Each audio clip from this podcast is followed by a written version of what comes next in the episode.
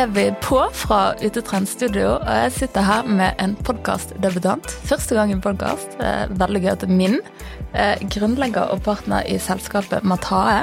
Og det er rett og slett et selskap som hjelper eiere, styrer og ledergrupper med å finne nye talenter. Så hjertelig velkommen til deg, Hege Rødland.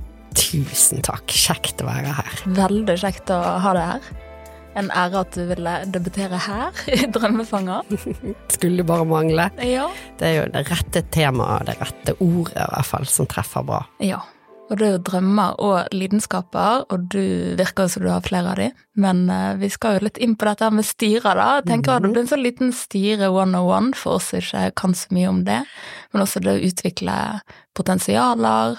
Du driver jo på en måte også litt med sånn matchmaking eh, i businessverden. Det er faktisk det. Litt Så sånn Kirsten Giftekniv som går rundt og Ja. matcher folk som vil og kan, og får til noen ting sammen, og så Ja. finne ut hvem er de, Hvem og hva kan de her? få til. Hvem passer der? Mm.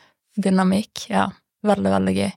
Men jeg tenker vi begynner der vi alltid begynner, og det er på en måte hvordan dagen din har vært så langt.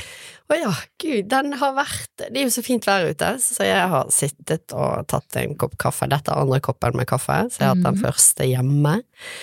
Og da hadde, begynte det egentlig med å lage frokost til hun minste, som er egentlig 17, og så eh, satt vi og så utover eh, byen og egentlig soloppgangen, og fikk snakket litt om hva hun skal gjøre på skolen. Og Mm. så hadde jeg eh, referanseintervju med en for å sjekke ut litt om er denne kandidaten rett, og er dette rett for henne. Det er styrelederposisjon, så det er jo viktig å velge rett. Mm. Og så, ja, så har jeg snakket med en kandidat som skal møte et annet styre, for å liksom gjøre den litt ekstra preppet og giret. Så veldig helt forskjellige ting. Så det har vært veldig sånn, eh, ja, gode samtaler, er det vel egentlig det jeg kan si at denne dagen har begynt med. Ja. Jeg vet at det er et stikkord eh, i din hverdag, og arbeidshverdag, og eh, at den er egentlig er ganske variert, så jeg glemmer til å finne litt sånn ut hvordan ser en Mm. arbeidsdag for Hege ut. Du har jo tross alt bygget dette selv. Men eh, jeg tenker vi må begynne helt på begynnelsen, det gjør vi alltid her i Drømmefanger. Så når du var liten jente, ikke ante hva som skulle komme videre i livet, hva drømte du om da?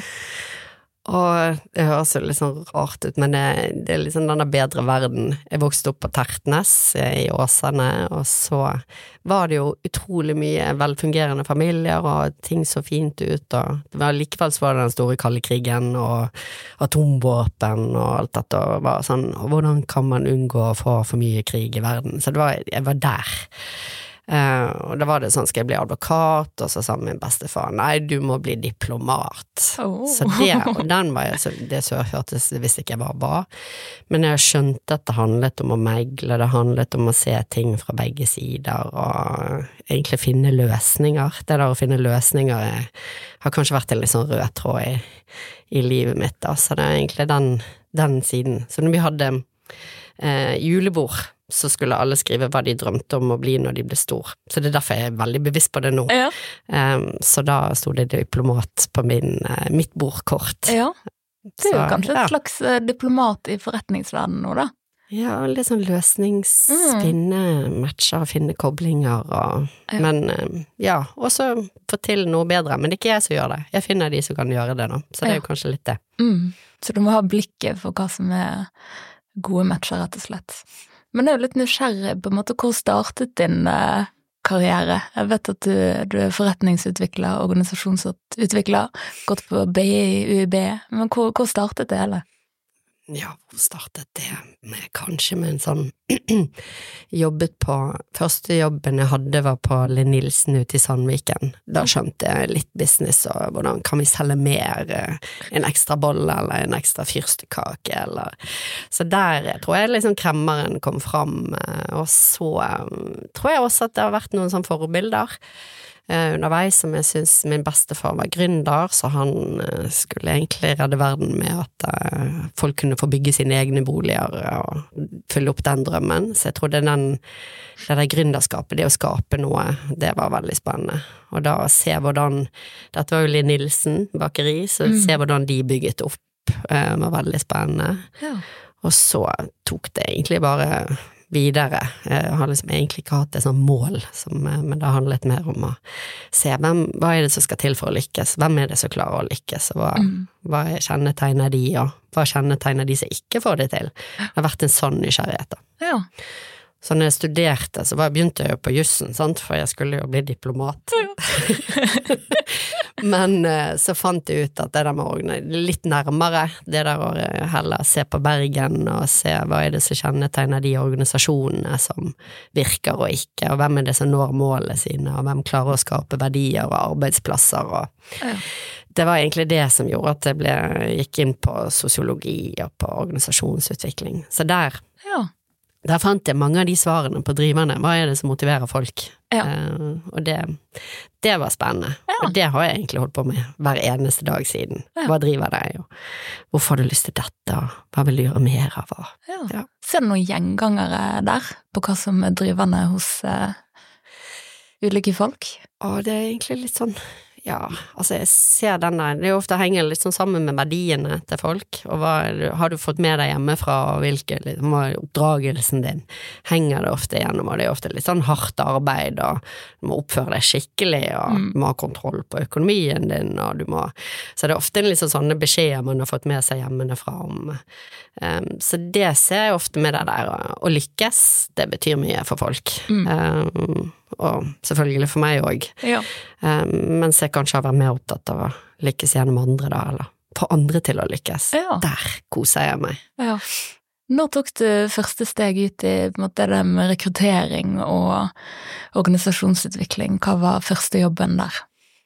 Mm, det var vel Jeg tror egentlig jeg jobbet i Peppes Pizza underveis samtidig med disse studiene. Det var egentlig litt sånn eh, hva skal jeg si, et eh, taktisk grep om at eh, For da du, kunne du overleve på tipsen du fikk, Ja. samtidig som jeg kunne spare pengene og reise for de seinere. Mm. Eh, Men da handlet det egentlig masse om lederskap i eh, Peppes. Det handlet om gode spilleregler og hvordan lage en god kultur, og da var det, harmonerte det veldig mye med det som jeg hadde studert, eller Mm. studerte samtidig på, på universitetet, så da så jeg denne bygge lag.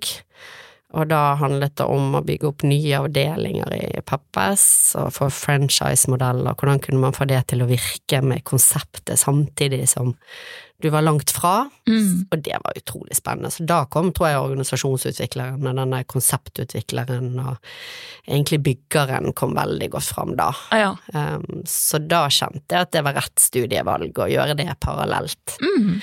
Um, og så fikk jeg tvillinger, eller vi fikk tvillinger da, og så begynte jeg Da skulle jeg få en litt sånn voksenjobb, så da begynte jeg på Ikea. Ja. Og da handlet det om å lede ledere. Mm. Og det var vel Da tror jeg konsulenten kom fram, for da så jeg det at jeg ville ikke nødvendigvis være drifteren, men jeg ville utvikle team mm. og hjelpe ledere å lykkes. Ja. Så etter tre år der, så var det vel eh, Assassit som eh, Nei, det var Hudson. Unnskyld. Ja. Um, og da var det egentlig et rekrutteringsselskap. Ja. Men da skulle jeg være med å bygge opp Bergenskontoret, som egentlig skulle ha A-etat, eller det som heter Nav nå, Ja. som kunde, Ja. eh, for å hjelpe arbeidsledige ledere ja. ut i jobb igjen. Og det var utrolig meningsfylt, for de skulle jo ta helt nye karrierevei, Mm. eh, og velge helt annerledes enn det de hadde gjort, for det var gjerne 200 søkere på de jobbene som de ville ha, Ja. og de var ikke aktuelle nødvendigvis, eller i hvert fall ikke i toppklassen på, på de som ble valgt ut, og så var det å finne nye retninger. Mm. Og der fant jeg det der kandidatfokuset, hvor utrolig viktig det er at du som kandidat må velge noen ting som er relevant for deg, og der hvor du har din drivkraft, da. Ja. Så det var fem år med Da tok jeg coachingutdannelsen òg, for da kunne ikke jeg sitte og ha løsningene for folk, for de måtte jo ha svaret selv. Mm. Eh, Når hun er løsningsorientert, så sa jeg ja, men du kan jo. Men nei, det der å finne ut hvem er du, og hva vil du? ja. Så det var veldig viktig. Så sånn kom jeg inn i rekrutteringsbransjen. Kult. Ja, og ble konsulent, da. Ja. Hjelpe andre. ja. for du har jobbet jeg Merker allerede nå du har jobbet mye hele veien. Ja. Ja. Ja. Og du har jobbet eh, internasjonalt. Um, jeg synes det er veldig spennende. Du nevnte jo for meg en gang at eh, du var med å bygge boliger i Ja. Bergen. Ja. Det er jo en spennende utfordring. Ja, det var Og en veldig populær butikk. Ja, det, ble, det var egentlig Og det var kanskje derfor jeg så det der gøye konseptet, da.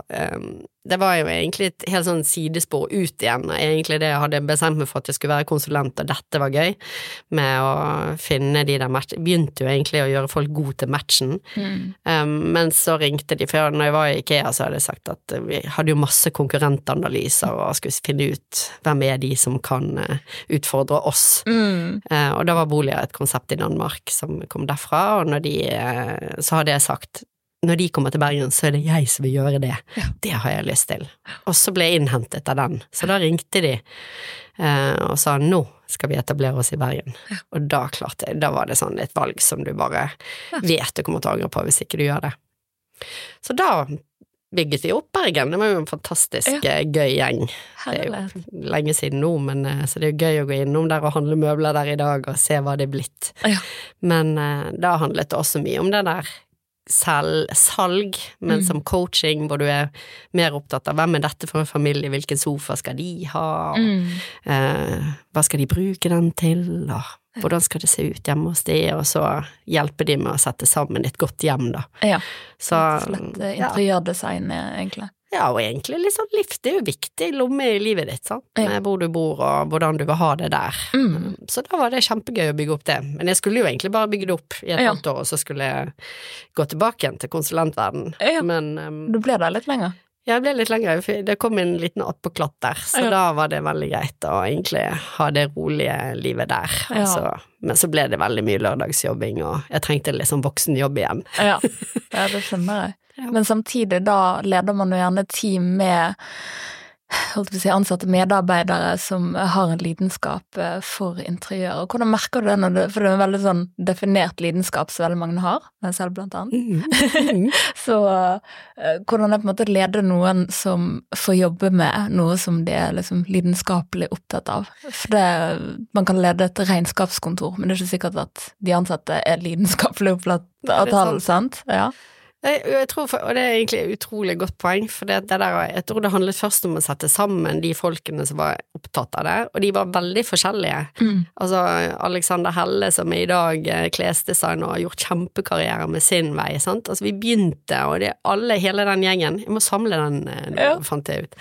Kjente jeg på. Um, men det å sette sammen de, og det å finne ut uh, hva som var viktig for oss, og det å se hvor de For de var veldig forskjellige, og hadde møbeldesignere som har gjort kjempekarriere i ettertid òg. Mm. Eh, Men det å sette sammen de og skape noen ting som var liksom hva er det vi setter pris på, og Mm. så egentlig bygge opp en eh, kul eh, gjeng der, altså. Ja.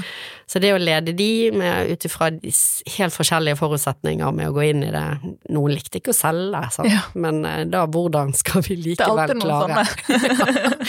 Ja, og så sier jeg det at eh, vi selger ingenting, det er noen som kommer og kjøper noe her, sant, og vi skal Ja. hjelpe dem med å finne det de, det de trenger, da. Ja. Det er litt sånn naiv måte å tenke på, men likevel. Nei, men Det var egentlig sånn, ja. Ja.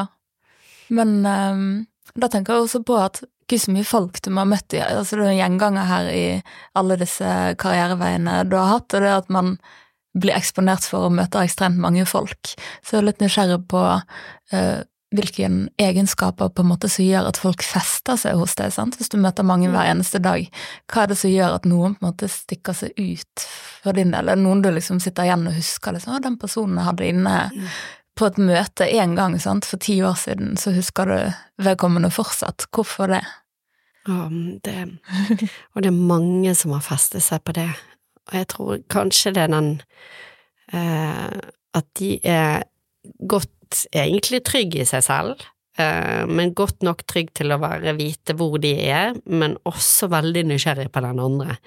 Eh, jeg merker det er min jobb, så jeg, jeg sitter og intervjuer folk sånn som du gjør med meg nå, Så. men det der at eh, det er veldig få som spør hvordan har du det, hva er viktig for deg? Men de som gjør det, du gjorde det, Mm. eh, det var jo sånn vi ble kjent, Ja. eh, og som ikke var nødvendigvis opptatt av å fortelle om alt det du var opptatt av, men var nysgjerrig på den andre, det tror jeg er noe sånn, sier ofte det med å være mer interessant enn du skal fremstå som, eller mer interessert enn du skal fremstå som, eh, som interessant. Ja. Det er sånn du sitter fire timer til bords med noen på årsmiddagen, for eksempel. Det er noen som ikke stiller ett eneste spørsmål der. Mm. Og da, da blir det litt kjedeligere, tenker jeg. Ja, for man er mer opptatt av å være interessant i seg selv, Ja. på en måte. Ja, Ja. Skikkelig sånn stikk, men det er litt sånn Jeg tror folk er veldig opptatt av seg selv og Mhm. sitt eget og seg selv nærmest, og selvfølgelig. Ja. Men eh, de som fester seg, det er de som er virkelig sånn nysgjerrige og bryr seg, da. ja. Så jeg tror det.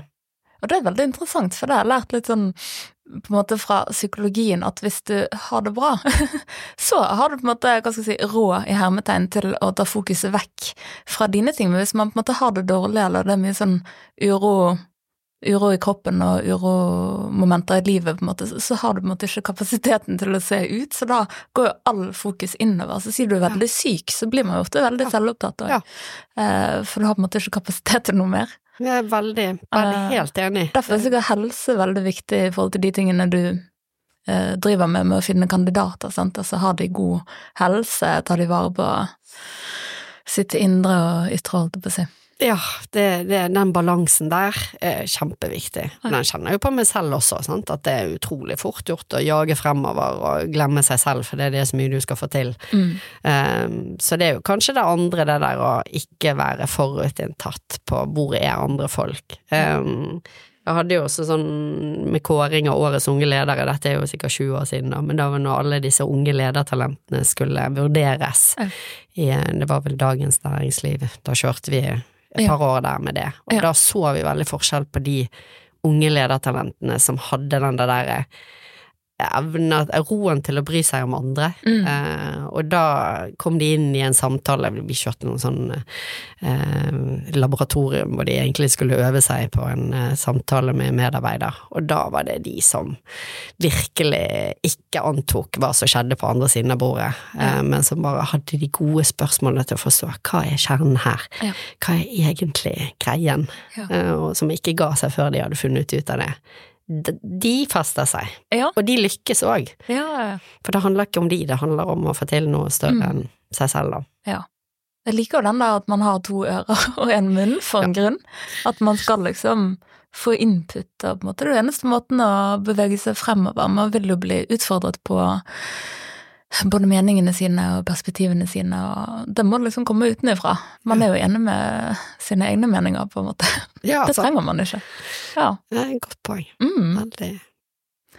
Jeg var jo og besøkte deg, jeg var så heldig å få komme ut på Skuten Ja. ute i Sandviken, i Mhm. Skuteviken, Uh, ute i de bodene der, men uh, det var et fantastisk fint kontor som Matahe har fått der, som minnet jo egentlig om, eh, hva skal man si, en slags toppleilighet ved vannet, med den eh, fjordutsikten, og bare helt nydelig. Og bare ble slått av eh, hvor rolig det på en måte var.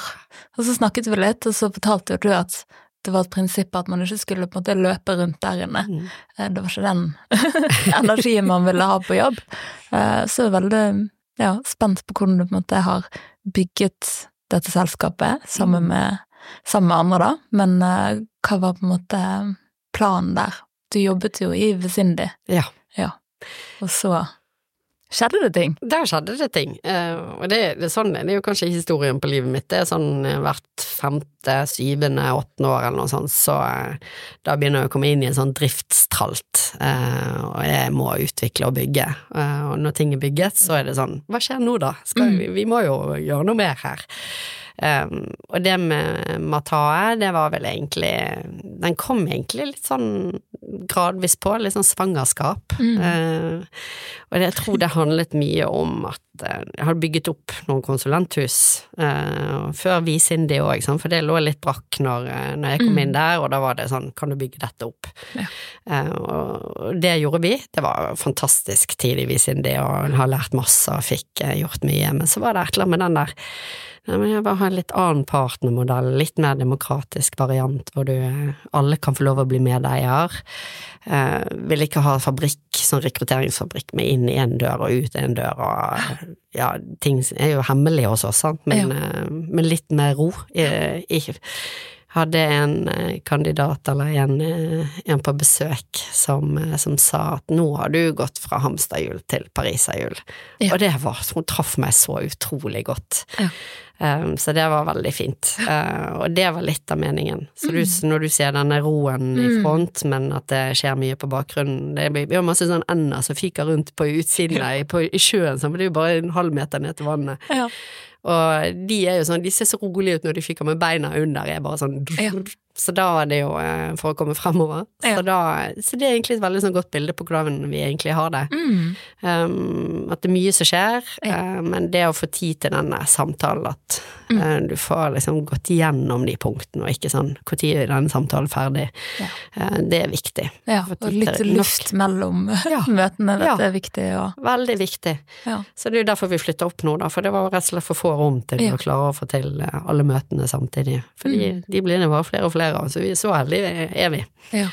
Så, så, det var en sånn tanke med å bygge Matae, var egentlig det å Ja, og så klare å skape noe som er større. Så de som har lyst til å jobbe med rekruttering og det å sette sammen styrer eller ledergrupper, eh, eller til å se på dynamikken, da kan de jobbe bedre. Når, de først, når du har denne sammensetningen her, hvordan jobbe da best mulig? Hvordan lykkes? Ja.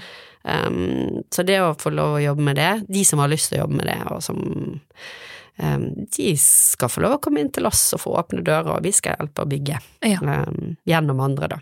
Så sånn i praksis, hvordan ser på en måte denne rådgivningen ut? Hvordan går dere på en måte inn og bistår med å sette sammen styrer, eh, eller utvikle ledere? Ja, hvordan Altså, jeg tror folk har sikkert tenkt på rekruttering som en sånn ja, her har du en stillingsinstruks, eh, vi trenger en som uh, kan dette. Mens vi jo ser litt større enn akkurat det å bare pushe fram noen CV-er, ja, den eller den. Uh, men det der å på en måte få god nok innsikt i hva er dette for et selskap, uh, hvem er eierne, hvilke interesser har de, hvilket mm. potensial er det, så vi gjør egentlig litt sånn markedsundersøkelse for å se Eh, man, har man rett oppfatning i forhold til hva kundene vil og bør og trenger? Eh, er man, eh, har man rett oppfatning av ja, egentlig hele verdikjeden som denne her selskapet jobber i? Ja. Og så får vi innsikt i det, samtidig vi også skjønner for å snakke med folk i selskapet. Går mm. folk hjem og spiser middag og er fornøyd med jobben sin og lederen sin og ja. retningen. Og så når vi da har fått et godt bilde av det, så kan kan vi hjelpe styret eller eh, administrerende med å si det er dette du trenger muskler og fantasi mm. og kraft inn i denne her eh, ledergruppen eller i, denne, i dette styret. Ja. Så den innsikten er utrolig viktig, og da må man jo ha både forretningsforståelse, man må skjønne strategi, man må mm. forstå eh, målbildet, man forstå hva er det for hvor, hvor, vil, ja. hvor bør de? Ja, hvor skal de legge listen? Vi vil jo dytte de så de legger den listen enda litt høyere nå. Sånn at vi kan finne de rette kandidatene som har den kraften mm. og den erfaringen eller den forståelsen og motivasjonen for å ja. finne ut uh, her er vi. Så den innsiktsfasen, kjempeviktig. Mm. Så der bruker vi ganske mye tid med selskapet. Ja. Det er jo gull verdt for oss. Da er det mye lettere å treffe rett. Ja. Um, og når vi har den bestillingen, rett bestilling, mm. så um, er det jo mye lettere å finne ut ja, hvilken kompetanse trengs, og så leter vi etter de som har den. Ja. Så det er ikke bare en sånn en CV kan ses på ett vis ut, mm. men uh, den uh, inneholder gjerne så mye mer enn det. Ja. Ref det der med motivasjon og hvorfor valgte de sånn som de gjorde, hvorfor fikk de det til og ikke det til, og ja. Så da, ja, bruker mye tid på å finne, finne, og motivere de kandidatene som bør søke på den jobben, da, eller bør inn i det styret. Um, og det, da? Er det databaser, eller er det ute og snakke med folk og tips, og hvordan fungerer det? Ja takk, alt. Ja. Det er egentlig det. Ja. Altså, vi ringer en venn som uh, vil deg vel, som fremsnakker folk. ja. De lever vi jo utrolig takknemlig til. Alle dere der ute, kan jeg i hvert fall da si, som, mm som eh, hjelper oss med å tenke høyt. Men det, det går jo tilbake til de selv. Plutselig så mm. er det, det er ofte de, tip, de, beste tipsene, de har eh, et blikk, Ja. tilbake til det som vi snakket om i sted. Mm. De ser andre enn seg selv? Ja. så de vet litt sånn hvem som vil og kan hva Ja. der ute. Så da, takket være de, så får vi masse gode matchmakinger av det, altså. Ja. Eh, og da vi, kan vi jo Når vi da vet nok om denne kandidaten, da, sant, og hva Mm. den egentlig har lyst til, og hva den ikke har lyst til, så er det mye lettere å treffe rett Ja. og hva den virkelig har lyst til å bidra med inn i fremtiden her, så så da er det den vurderer og anbefale hvem av disse her beste kandidatene er det som er rett, og det handler mye om motivasjon. Det er en viktig faktor. Ja. Uh, og da kommer vi tilbake til den sosiologien og Ja. organisasjonen. hvem er det som er drevet av hva. ja. Eh, det er Sikkert dedikasjon, at man er dedikert Ja. nok, sant. Mm. Helt eh, sant, hvorfor vil de dette, da? Ja. Eh, har de skjønt hvem de skal hjelpe, og hva de står i, ikke Det er mange som sier 'Å, dette er drømmejobben min', og så vet de gjerne ikke noen ting om hvem de skal rapportere til, eller hvem som er stakeholderen, eller hvem er de der interessentene som de skal Mm. lykkes sammen med. Men det har masse å si på folkene. Ja. Hvem er de der som kan få til noe sammen?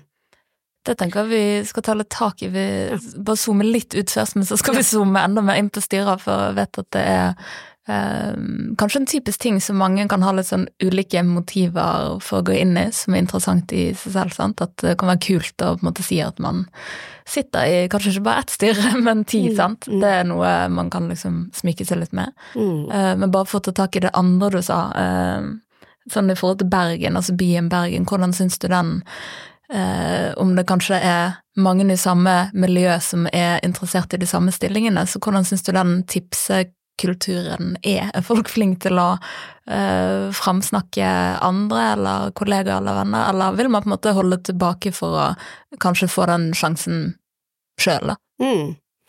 Ja, jeg, syns det er blitt mye bedre. Jeg syns Bergen er blitt mer åpen og mer velmenende og mer heiagjeng. Eh, vet ikke om det skjedde sånn for en syv-åtte år siden, kanskje. Ja. Jeg syns ikke det var sånn jeg gikk inn i det for 20 år siden. Da var det veldig høy og mørk, og alt skjedde i de indre kroker, og det var der beslutningen ble tatt, og det var, det var ikke hvem som helst som fikk komme inn der.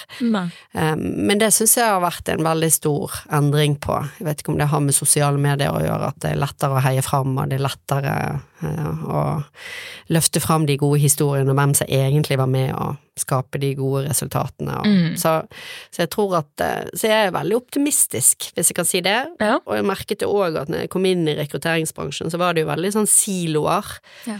Du kunne ikke komme eh, inn i oljebransjen hvis ikke du hadde bransjeerfaring, og du kunne ikke komme inn Altså, det var veldig lite skift mellom bransjene. Ja. Um, så det var jo et av mine mantra, sant, at nei, vi skal finne noen som kommer fra en annen bransje, men som har vært gjennom det dere holder på og skal gå inn i nå, Mm. og som kan gi dere masse god innsikt i, i det. Ja. Så den, de hoppene, eller wildcardene, da, Mm. som jeg kanskje var det sånn fanesak for, ja. de er det jo Nå vil de ha bare flere av de, Ja. for de virker sånn, for de har sett filmen før på et vis, men Mm. i, en annen, i en annen verden og et annet univers, og så har de masse å tilføre. Mm. Så den åpenheten også er kommet, og det gjør det jo også at eh, da får du mer av denne tverrfagligheten, eller du får ulike nye perspektiv inn, og da åpner man opp. Ja. Så, og så kommer det en ny generasjon med mange nye ideer. Sant? Bergen er jo, lever jo av har jo levd av ja, maritim og shipping, og har jo levd av masse tradisjonelle sektorer, men det er når teknologien kom, Mm. wow, da skjedde det mye. Og så få inn den kompetansen inn på hva du løsriver deg fra andre forretningsmodeller og Nei, det er utrolig mye spennende som skjer, så Veldig. ja, masse. Og inn, men da må styrene følge etter, sant. Ja. Det er for å Ser spille, noen hvis du vil inn i det. ja, ser du noen gjenganger der, og så er det noen bransjer som på en måte er overrepresentert, eller som det er veldig behov for i alle styrer. Liksom alle burde ha en som driver med kommunikasjon, eller alle burde ha en som driver med altså juss. Kanskje ikke det er bransjestyrt, men det er mer selskapsstyrt, og hvor er dette selskapet i sitt livsløp? Sant? Mm. Står de i en krise og skal eh, se på økonomien på en helt annen måte, eller hva, hva er de inne i? Skal, er det oppbemanning eller nedbemanning, eller hvor eh, er det vekst, eller er det investeringer som skal gjøres? Så det, det er veldig forskjellig, det kommer helt an på, faktisk. Mm. Så vi vi sitter nå og holder på skal sette sammen et styre hvor vi nettopp ser på det, for det, egentlig vil de ha alt av kompetanse inn i styret, Mm. men det handler jo egentlig om er det juristen, eller er det teknologen, eller hva er det? Ja. Og da er vi sånn ett steg tilbake igjen, og så må vi se hvor er dette selskapet, hva er det som, hvilke saker er det som kommer på dette styremøtet det neste året? Ja. Mest sannsynligvis hvis de skal være offensive og være litt i forkant. Mm. Og det er det som egentlig må definere hvem som skal sitte der med hvilken kompetanse, og hvilke, for du egentlig får folk med spørsmål, gode spørsmål inn i styret. Ja. Ikke alle svarene, sånn.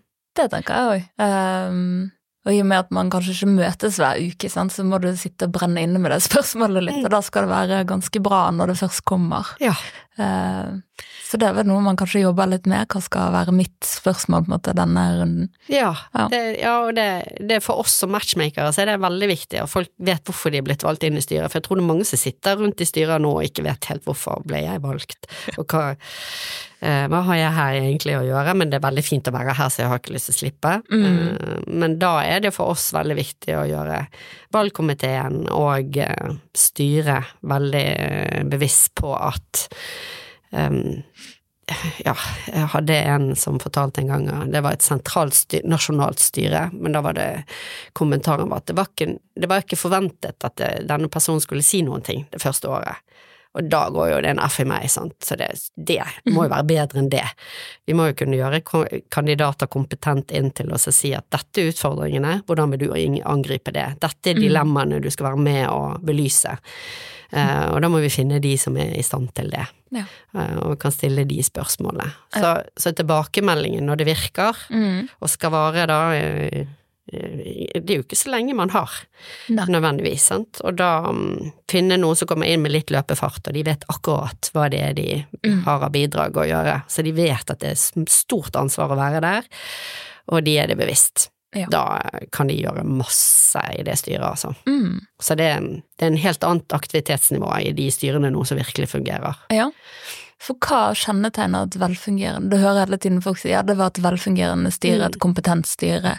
Eh, Hva vil det si, på en måte? Hva er et ja, velfungerende Ja, styre det, i dine øyne? Det er herlig spørsmål. Ja, og, og egentlig så vil jeg bare referere, vi holder på med en sånn styreundersøkelse, for vi snakker jo med alle disse eh, som er med i, inn i styrene og som eh, gjør en forskjell. Og da har vi, prøver vi å samle mange av svarene. eh, nettopp på det spørsmålet ditt, det gode Mhm. spørsmålet ditt der. Eh, det handler jo, altså styrets funksjon, det handler jo veldig mye om at det er jo mye kontroll. Du må vite at eh, virksomheten eh, har eh, god økonomi, og at det er en bærekraftig forretningsmodell, og at de jobber riktig Mm. i administrasjonen. Så det å støtte denne CEO-en, samtidig så du også kan eh, være en som eh, har kontroll og stille de rette spørsmålene, har vi, har vi styring her? Mm. Um, og da igjen, når den funksjonen er oppfylt, da, Mm. det der med å vite at virksomheten går bra, og at vi gjør alt innenfor lover og regelverk, og at vi heier på deg, kjære administrerende, sånn at de vet den skal Mm. gå med liksom høyt tro og være motivert når den går ut av de styremøtene. Ja. Og alt det der er på plass, eh, og du har kontroll, og du, likevel, og du har en retning på, på hva som eh, man skal gjøre fremover, Mm. um, så bunner det egentlig veldig ofte i styrelederen. Ja. Det er leder, altså ledelse er utrolig viktig. Og det der å kunne være den der samlekraften som ser alle rundt bordet, og som på en måte ser hvem som kan bidra hvis ikke de sier noen ting, for det jo, kan jo være mange introverte i et styre, Mm. men det der å få fram alle interessene og alle nysgjerrigheten og all kompetansen som ligger der. Så styreleders rolle har utrolig mye å si. Mm. Eh, og den klokskapen som ligger i det. Nå er vi også tilbake igjen til den å ikke være så veldig interessant, men være veldig interessert i å finne ut hvem kan mene noe og ha noe å si. Mm. Og så handler det om at det har vært mye kontroll før, altså for åtte-ni år siden, så de fleste styrene gikk inn i da og hjalp til med, så så man i bakspeilet, og så satt man nesten og så leste, brukte halvparten av tiden på å lese på referatet fra forrige og da rygger jo du inn i fremtiden. Mm. Mens det har snudd nå, syns jeg. Det kan godt være det fordi at jeg er så heldig for å jobbe med de som er fremoverlent. Wonder why. Ja. Eh, men uh, nå uh, har man snudd fokuset til at det handler om hva må vi ta høyde for fremover nå. Så det med mm. forretningsutviklingen og det, den kommersielle kraften som ligger, og ha den gode bestillerkompetansen med både investeringer, hvor skal vi satse, hvor skal vi gasse på, hvor skal vi bremse, liksom, når er det vi må holde tilbake igjen, og hva er risikoen og scenarioene. Når du har alle disse momentene rundt mm. eh, styrebordet, og du klarer å få benyttet de og gjøre de til gode bestillere og kravsettere inn mot administrasjonen, mm. så funker det veldig bra, altså. Og da, da, føler de at de har ikke bare et kontrollorgan over seg, men at uh, her er det ja. muligheter da, til å, til å, kunne satse riktig. Mm. Det var et litt langt svar, men uh... Det er et veldig godt svar. Det svarte egentlig på uh, litt spørsmål jeg hadde i forhold til hvorfor har vi styrer i mm. utgangspunktet, og hvordan fungerer de. Men jeg tenkte også sånn historisk sett, uh, for dette er som sagt styre one on one, så jeg må bare spørre om, om de mest basice tingene her. Men ja, sånn historisk sett, hvorfor har vi på en måte Har det vært et slags sikkerhetsnett? På et eller annet tidspunkt så kom det inn dette et kontrollorgan man, man må ha for å kunne drive en virksomhet sunt og lønnsomt? Ja, altså nå er jeg ikke styreekspert i den forstand med, mm. med det juridiske, men, mm. men, det er jo den øverste ledelsen i selskapet. Mm og du skal eh, tjene eiernes interesser, så du skal vite hvem du er der for. Mm. Um, så det, og da må du drive den virksomheten sikkert, men da må du også være tøff til å si at ok, dette er ikke liv laga her.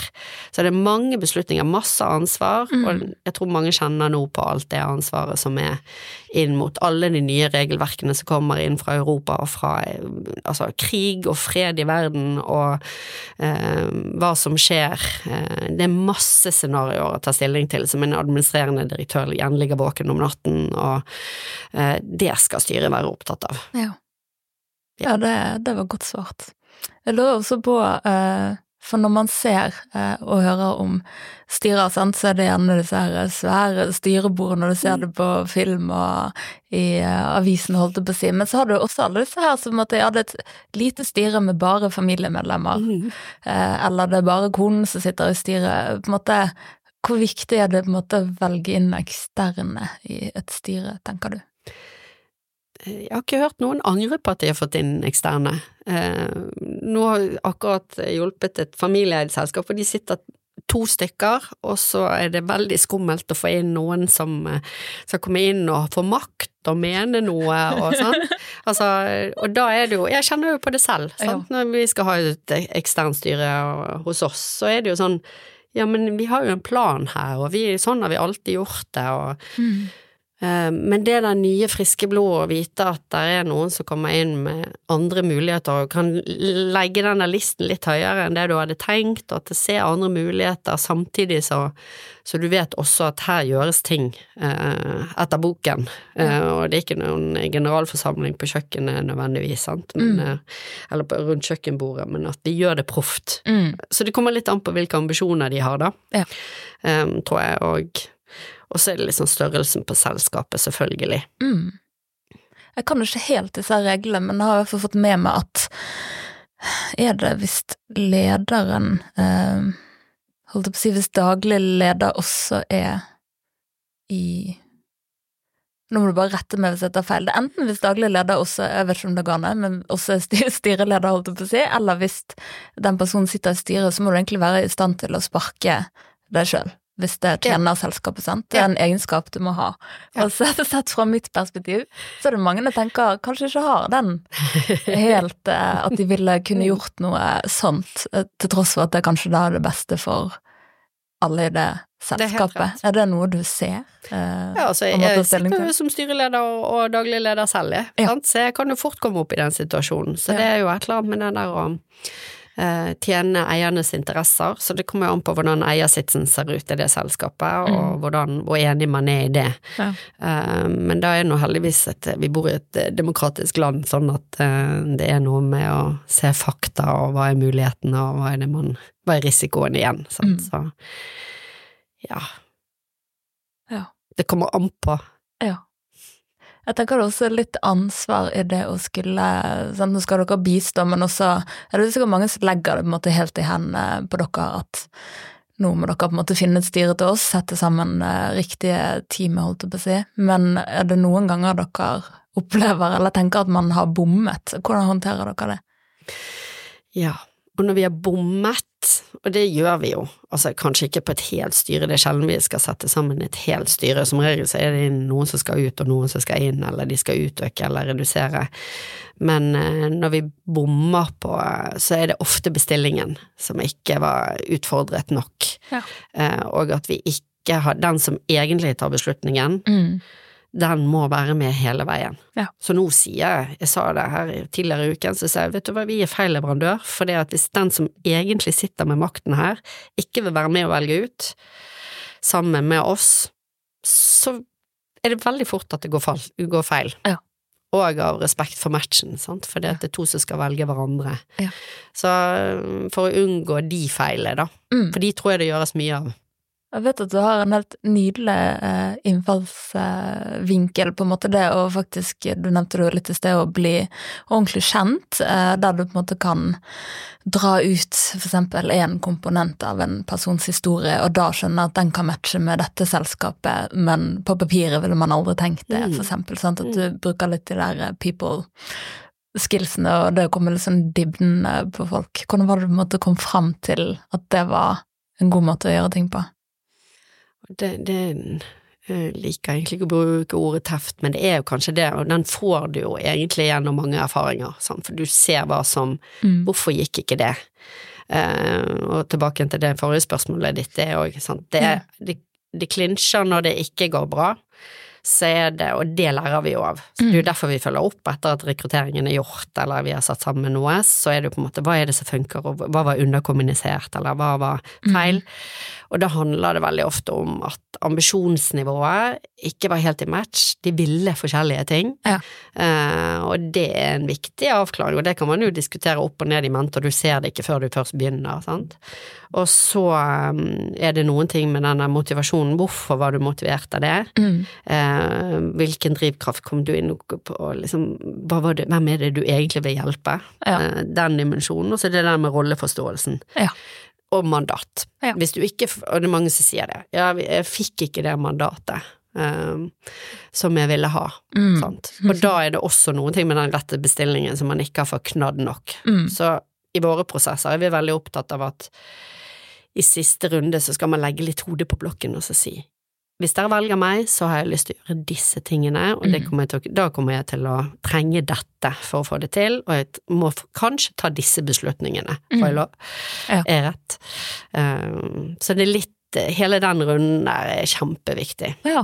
Så vi, så vi bruker jo mye tid her. Mm. Det er jo ganske lange prosesser, og det, det er slitsomt å være kandidat til det, for du skal Ja. virkelig ha lyst når du er på, og du skal virkelig skjønne hva det er for en jobb du går inn i, og, Mm. og de som velger hverandre, skal jo kjenne hverandre. Ja. De må være like interessert i hverandre for å skjønne. Mm.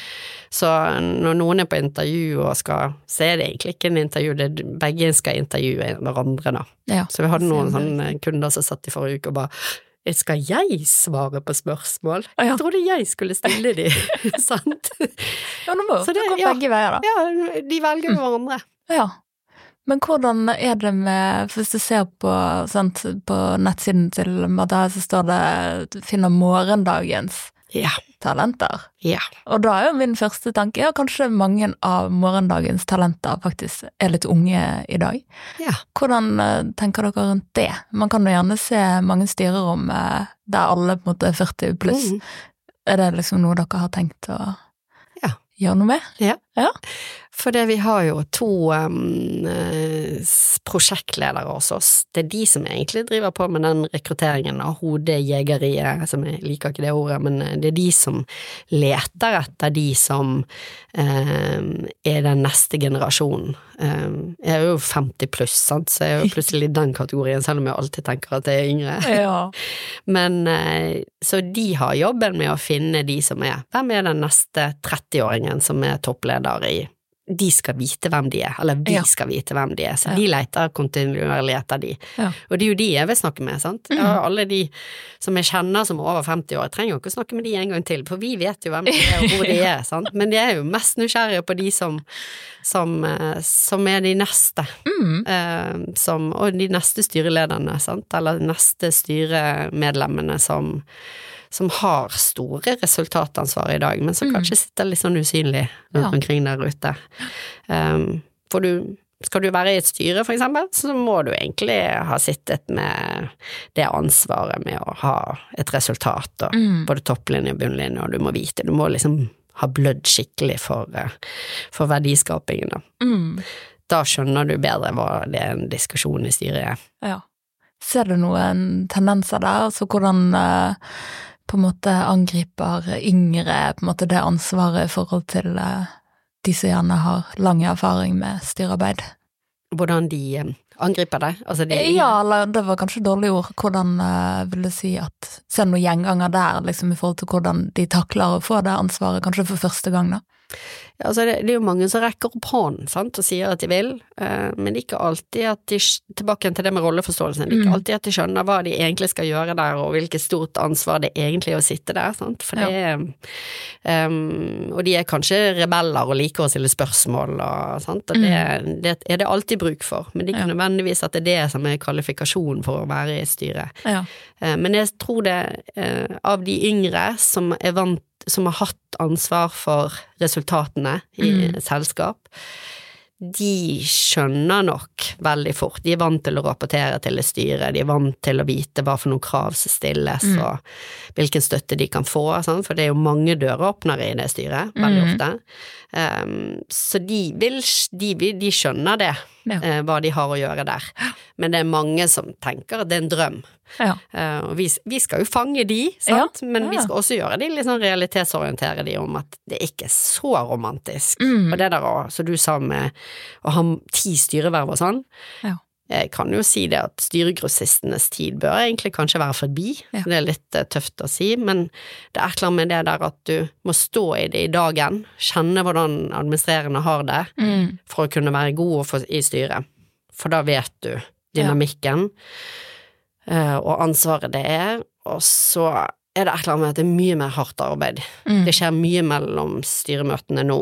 Eh, Det er mye aktivitet, og akkurat nå så er det jo spesielt fordi at man går fra kontroll bare til å være kontroll, kontrollorgan til å kunne se på muligheter og peke ut retning og Så det er Mm. masse arbeid. ja.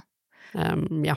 Har du inntrykk av at folk er innforstått med det i forhold til litt det vi snakket om der, at uh, mange kanskje bare har romantisert det hele og har veldig lyst til å kunne si, altså det er motivasjonen å kunne si at man sitter i et styre og vise til at man er styremedlem. Er det noe du fanger lett opp, at det er motivasjonen som ligger bak? Ja, altså egentlig kanskje jeg ikke jeg jeg kan se tendensene, i hvert fall sånn som de skrives ute, men i dialogen vår så er vi jo også veldig opptatt av den bestillingen, så hvis ikke Mhm. noen har skjønt bestillingen, og hva de egentlig sliter med i dette styret, eller hva de bør, trenger hjelp til, Ja. og hvis ikke de har skjønt det, så blir det jo ofte feil match, Ja. sant, for da har du feil inngang i det. Mm. Eh, Så jeg bruker egentlig ikke så mye fokus på det, da sier jeg bare det at da må vi finne noe annet, Ja, sant? Herlighet. Jeg tenker eh, akkurat som med datingprogrammer, grunnen til at vi elsker å se på dem, jeg elsker jo bare å bli dratt inn i en sånn der, yes, det klaffet, liksom, han møtte hun, og det var bare Ja. magi, sant? Har du noen historier med Har du noe du kan uh, trekke frem i form av at her var det full klaff uh, i en prosess du sto i? Å gud, det var et godt spørsmål. Jeg synes, eller jeg har ikke et konkret eksempel, men jeg sier ofte det der at Um, de blir ofte litt sånn forelsket, disse her, sant. For det er bare sånn, åh, de ser noen sånne drømmer, og den, tenk hvis den kommer inn, og den kan hjelpe oss med det, og Ja. sant. Og det er jo også sånn Og da sier jeg ofte at vi skal sørge for at det er de kvalifiserte som um, er med i prosessen. De kan. Eh, og så skal vi finne ut at de faktisk vil ha denne jobben, og de har skjønt hva det går i. Ja. Eh, og så skal de kundene våre de skal få liksom lende seg litt tilbake og kjenne litt på denne magefølelsen, sånn at de skal få lov å være litt forelsket og kjenne litt på at Ja. hvem passer inn hos oss? Hvem er det som virkelig kan eh, liksom få realisert våre drømmer, da? Mm. Um, men um, nei, jeg tror, jeg tror ikke jeg har noen sånn historie om I hvert fall ikke så jeg kan fortelle Nei. om Men eh, det er jo det er mange skuffelser, sant? Ja. Så det er jo litt mer sånn at eh, eh, Og vi må problematisere ganske mye, så det er jo det er litt sånn um, dating og Ja. sant? Det blir jo på en måte Ja. Ja. Du, du må finne ut det Det jo at det er feil, det, er ikke, det er jo, har jo ingenting med personen å gjøre, sant? Det Mm. har rett og slett med denne matchen og den Ja. teften på at disse, det er noe her i den kjernen her med disse Det er noe i drivkraften her som matcher hverandre, eller Ja. Ja. Så nei, jeg har ikke noen sånne jeg har noen, men jeg tror jeg, Det popper jo selvfølgelig opp Ja, noen ja. historier, men det er jo mer sånn eh, vanskelig å utlevere det. Eh, som jeg sa til deg, det er utrolig kjedelig i selskapslivet. Så jeg kan ikke- kan ikke sitte og snakke eller si ja og ha og, Ja. om noen ting, sånn, for det, det er så mye historier vi får innblikk i som, som vi ikke kan dele. Ja. Så det var litt sånn kjedelig der, da. Nei da. Men jeg tenker for sånn som jeg kjenner nå, så er jo du veldig investert og engasjert, så kan jeg nesten se for meg at eh, Nesten som en eh, psykolog, sant. Det er jo, det er jo holdt på å si, tilfeller der de kan gå hjem og tenke på en spesifikk klient Mm. eh, og deres Mm. historie og ligge våken Mm. om natten uh, fordi at det har skjedd noe der. Mm. Um, er det liksom noe du kan føle på i form av nå skal de som er matchet her, første styremøte Se hvordan den personen fungerte i den eh, Mm. settingen. Kan du gå hjem da og liksom ligge våken og tenke 'hvordan går det her i morgen'? Nei, egentlig så akkurat i den fasen, når de først har valgt hverandre, så er jeg faktisk ganske trygg på Mm. Da er det sånn ah, de går inn i dette med åpne øyne. Så jeg er mer, hvis jeg er bekymret, og tar det med meg hjem og liksom grubler, eh, for jeg liker å gå på fløyen og gruble, Ja. eh, da er det mer sånn er vi sikre på at det er rett bestilling? Har vi, er det noen agenda her i dette styret, eller er det noen eh, interesser som vi ikke har fanget opp? Er det, noe Mm. som kan, er det noen snub- snubletråder vi ikke har sett? Så det er mer i den fasen jeg bekymrer meg, Ja. for å være sikker på at har vi en mast her som vi er enige om? Ja. Er vi bunn? Og det er egentlig mye av det som skjer i styrerommet òg, sant. Mm. Er vi enige om hvor vi skal? ja. Vet vi hva vi vil og hva som skal til? Mm. Ja, gjør vi det? Hvis vi ser på Bergen for eksempel, ser du noen, eh, noen eh, pekepinner der på hvor vi er på vei, i form av hvordan vi jobber sammen, samarbeid og er vi på vei til et godt sted? Ser du ting som gjør deg glad? Eh, ja, jeg, tror, jeg vet ikke, sånn, jeg bare tenker det at det er liksom masse kriser nå. Mm. Det, det er tøffe tak rundt omkring, Ja. sant? men i det så ligger det muligheter òg. Så Mm. det er de som ikke sover i timen og tør å tenke nytt og tenke Mm. Se liksom på den ene siden, på den andre siden, hvor og hvem og hva kan Mm. hjelpe oss med å belyse dette. Ja. De som er litt offensive og litt uredde på det, men samtidig litt sånn ydmyk for at det er masse meninger der ute som en- Ja. kan være nyttig. De som lytter nok til mange folk. Ja. Da er jeg ikke så bekymret. Nei. Eh, Men jeg er bekymret sånn for Altså, jeg har jo barn som jeg vil skal ha masse spennende arbeidsplasser jeg velger mellom her, og som er norske, bergenske eiere, og verdiene her, og Mm. uh, Så jeg er litt, der er liksom bekymret for at ikke alt bare forsvinner ut, og så satt vi igjen her som en filial, liksom. Ja. Det, det kjenner jeg litt på. Ja. Ja. ja, men det kan du forstå. Så må, men så kommer det mange nye som skal skape nye selskaper. Sant? Ja, det er det. Nå det må jo de- være de som skaper uh, Alt har jo blitt skapt en gang, tenker jeg. Sant. For å bli uh, legacy, på en måte. Men i forhold til det du sa med offensive eh, planer, på en måte. Du kan jo se sånn som i min bransje, sant. Det er jo gjerne Det er jo gjerne altså, hva skal man si, markedsbudsjettet. Mm. Er det å på en måte investere i kreativitet, altså markedsføring i en bedrift. Det er jo gjerne noe alle kutter nå, sant. Mm. Hvis ikke du får Mm. betalt strømregning, altså Mm. så driter du om du har tekster på nettsiden. Men det er jo gjerne i en sånn fase man skulle investert i markedsføring. Det er da du egentlig burde nå ut med Mm. tjenestene man kan tilby. Eh, Mm. Så det er jo på en måte, er ikke det noe som kan lande på et styrebord? Jo, altså, vi hadde jo Kommunikasjonsforeningen som var ute hos oss på en sånn frokostsamling for å se har de noen ting der å gjøre. Um, og da tror jeg det, det igjen, og så kommer jo helt an på hvor selskapet er, men historiefortellere, altså ledere som trenger å være gode på historiefortelling, så det er masse coaching, men med den kompetansen så trengs det til toppledere. Ja. For det skal de klare å vinne markedet, få de rette investorene, skal de klare å få de rette inn i styret sitt, så må de være grådig gode på å fortelle det, hvor de skal, og hvordan de skal få det til, og hvilken kultur er det i dette selskapet vårt. Så den Ja. historiefortellingen, der er det en god jobb å gjøre, så jeg tenker at Ja. der burde ikke være arbeidsledige. Men det er liksom bare det å finne de nye måtene å hjelpe på. Så. Ja, det er det. Og mange ledere har blitt flinke Nå har ikke innsyn i hvor mye hjelp de får utenfra, eventuelt av byråer og sånn, men du har jo sånn som ja, Nicolai Tangen og Skjerpeset her i Bergen, og som absolutt når ut med mm. rett og slett eh, hva skal man si, markedsføring i flere formater og kanaler, da, som gjør at folk gjerne assosierer eh, tjenestene Ja. Og det er jo derfor de de. får tak i flinke folk. Sant? Ja. Fordi folk har lyst til å følge de, for det, det er Ja. klar tale, og det er en eh, solid retning, og Ja. eh, masse gass, men Ja. også vite når man skal bremse, eller snu rundt på ting. Sant? Mm. Så det er litt denne den smidigheten der, og de som er gode på det, Ja. det er veldig gøy å se. Det er jo de vi plukker fra der. Sant? Det er der vi finner talentene. Det var ikke noe trussel, altså. Nei, nei, nei. Men det er, de, det er der vi ser hvilken kultur kommer du fra, sant? Ja. Og der, eh, så man skal ha ganske bredt blikk, da. Du Mm. skal jo egentlig sitte og vite litt om eh, de ulike hva skal man si, nøkkelpersonene i veldig mange uh, bransjer. Så Ja. jeg tro det er en uh, travel jobb på LinkedIn, blant annet, og sitte og oppdatere. Men da har du de prosjektlederne òg, som du sa. Ja, som, de er helt fantastiske. du sitter jo ikke alene med det her. Nei, nei, nei, vi er jo en gjeng på åtte stykker der ute, sant? med forskjellige eh, funksjoner og forskjellige motivasjoner og drivere, så vi, Ja. vi utfyller hverandre bra, altså. Nettopp å liksom få hele denne maskinen til å eh, gå fort uten at det ser sånn ut. Jeg vet det var noe kult å dele akkurat angående det, men før vi får høre Ja. mer om hvordan det funker, så Ja. skal vi inn i spalte. Så velkommen til Pingvin i fryseren. Hva fikk deg til å le sist på internett? Ja, nå, jeg satt jo med hun eh, yngste, eh, og hun Det er eneste grunn til at jeg har TikTok, det er jo for å følge med på hva hun holder på med, men også fordi det er interessant å se hva som dukker opp. Men da, eh, da Og da har hun egentlig Vi har nesten en sånn spalte om morgenen hvor hun forteller hva hun har eh, på, på TikToken sin. Ja. Så i dag så Så det er mye å le av, det er masse sånne hundegreier og sånn selvfølgelig, fordi vi har hund, så da dukker det opp hele tiden. Men i dag så var det faktisk et puslespill, og da lo jeg så grein, for vi satt og puslet i hele julen. Ja. Og det var endelig så klarte vi å bli ferdig med det. Jeg kan ikke huske hvor mange tusen brikker det var, men da ble vi ferdig med det. Ja. Og så kom hun med en eh, video i dag med en som hadde sikkert 5000 brikker på puslespillet, Ja. og så skulle, var de to stykker som satt overfor hverandre, og så skulle hun en, endelig få ta den siste i, og så bare rev hun det ut.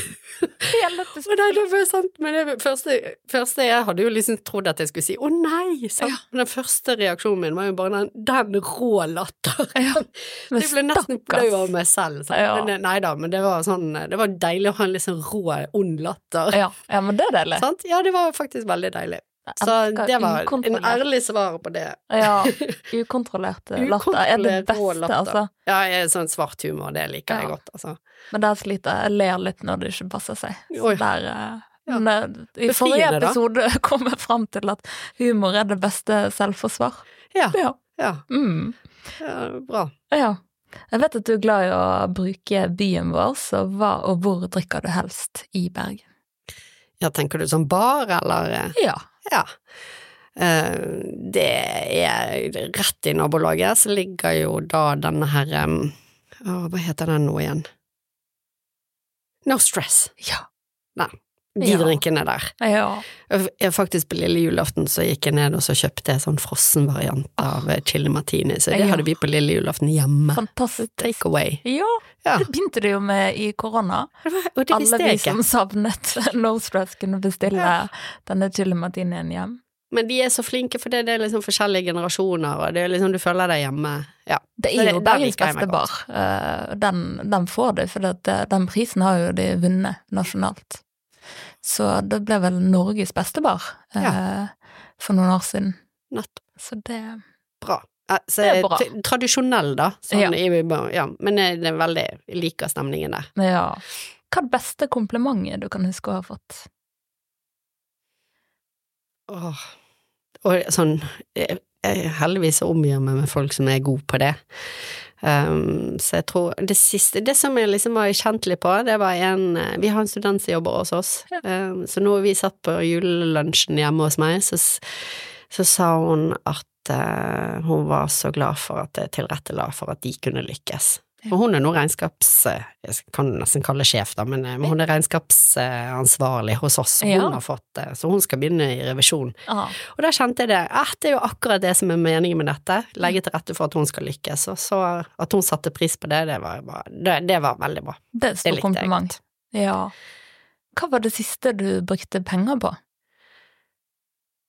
Eh, nesespray på veien her. det, da gikk kortet. Men ellers, åh, jeg har kjøpt nye vinduer i denne byen, det var ekkelt, masse penger på det. Ja. Men det er veldig deilig å kunne ikke ha sånn luftlekkasje i vinduene. Ja. Det er liksom største investeringen da. Sant. Men det er jo for fremtiden. Og nå har jo vi bodd i samme gate, så jeg vet jo hvor du bor, så du har jo verdens kuleste hus, og de vinduene skal jo tross alt se utover hele byen, så det er litt viktig at de funker. Så jeg tenker det er en god investering. Takk. Ja. Kan du synge Nei, gud. Nei, gud, det var det ikke! Først, først Å, shit. Nei. Skulle aldri tatt den først, for det Her må man liksom bygge det opp, sant. Det er akkurat som eh, hvis man skal gi kritikk, så skal du si noe pent Ja. først. Så hvem er Bergens beste band? Det er Det er jo mange jeg elsker å gå på konserter, men de som gjør meg mest glad, det er jo Kakk Motherfucker. Ja. Jeg så de på Nattjazzen for mange, mange år siden, og nå er liksom ikke et år uten de, altså. Nei. Er Så de er fantastisk gledesspredere og sinnssykt fengende låter. Ja. Er det helt nydelig? Og der er hele familien enig. Ja. Mm, Jeg tror, Tror jeg. mange, mange er enig der. ja.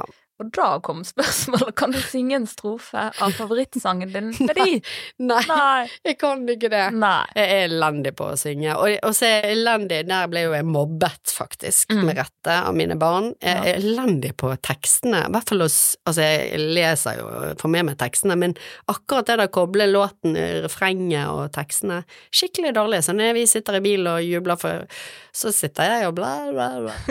Så nei, jeg tror ikke jeg skal det. Ja, men det er faktisk eh, helt greit.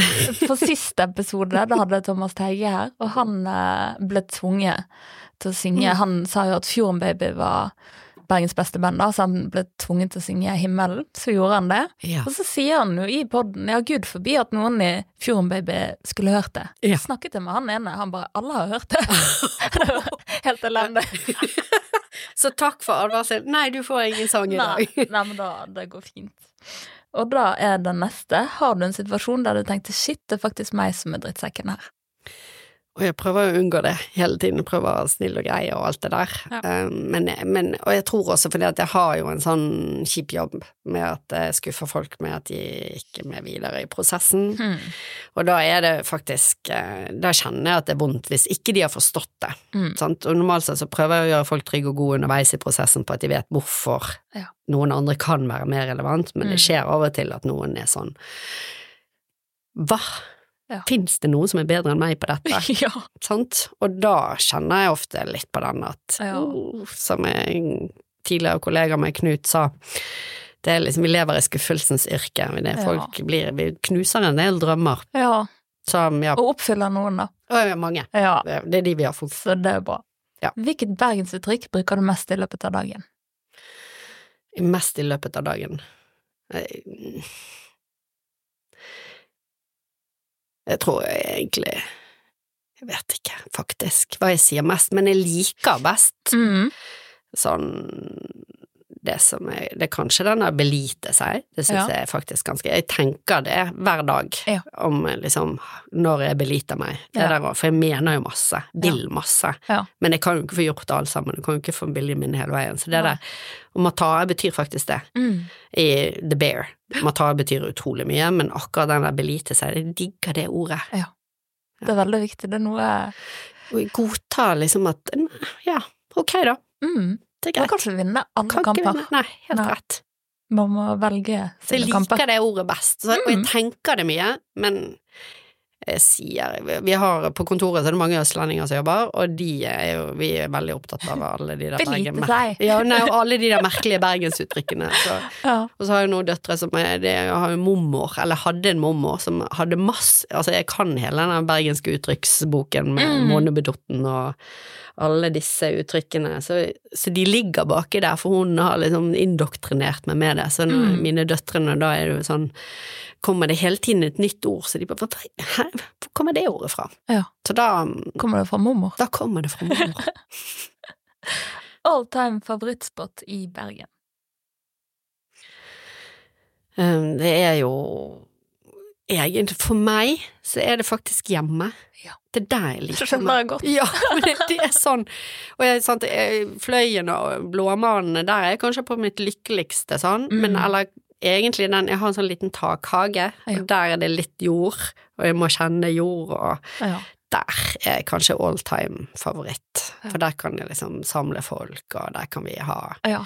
god stemning og sånn. ja. Men ellers så ble jeg jo plutselig opptatt av denne her, jeg kan ikke huske hva det hotellet heter nede på, ved, ved siden av statsråden der, på andre siden av det. Der er det et sånt lite tårn Ja. oppe på toppen, så du kan gå inn i resepsjonen der, så kan du få lov å låne kort og dra opp i det tårnet, og da ser du Bergen, hele innseilet, eller Vågen, Ah. fra et helt annet perspektiv.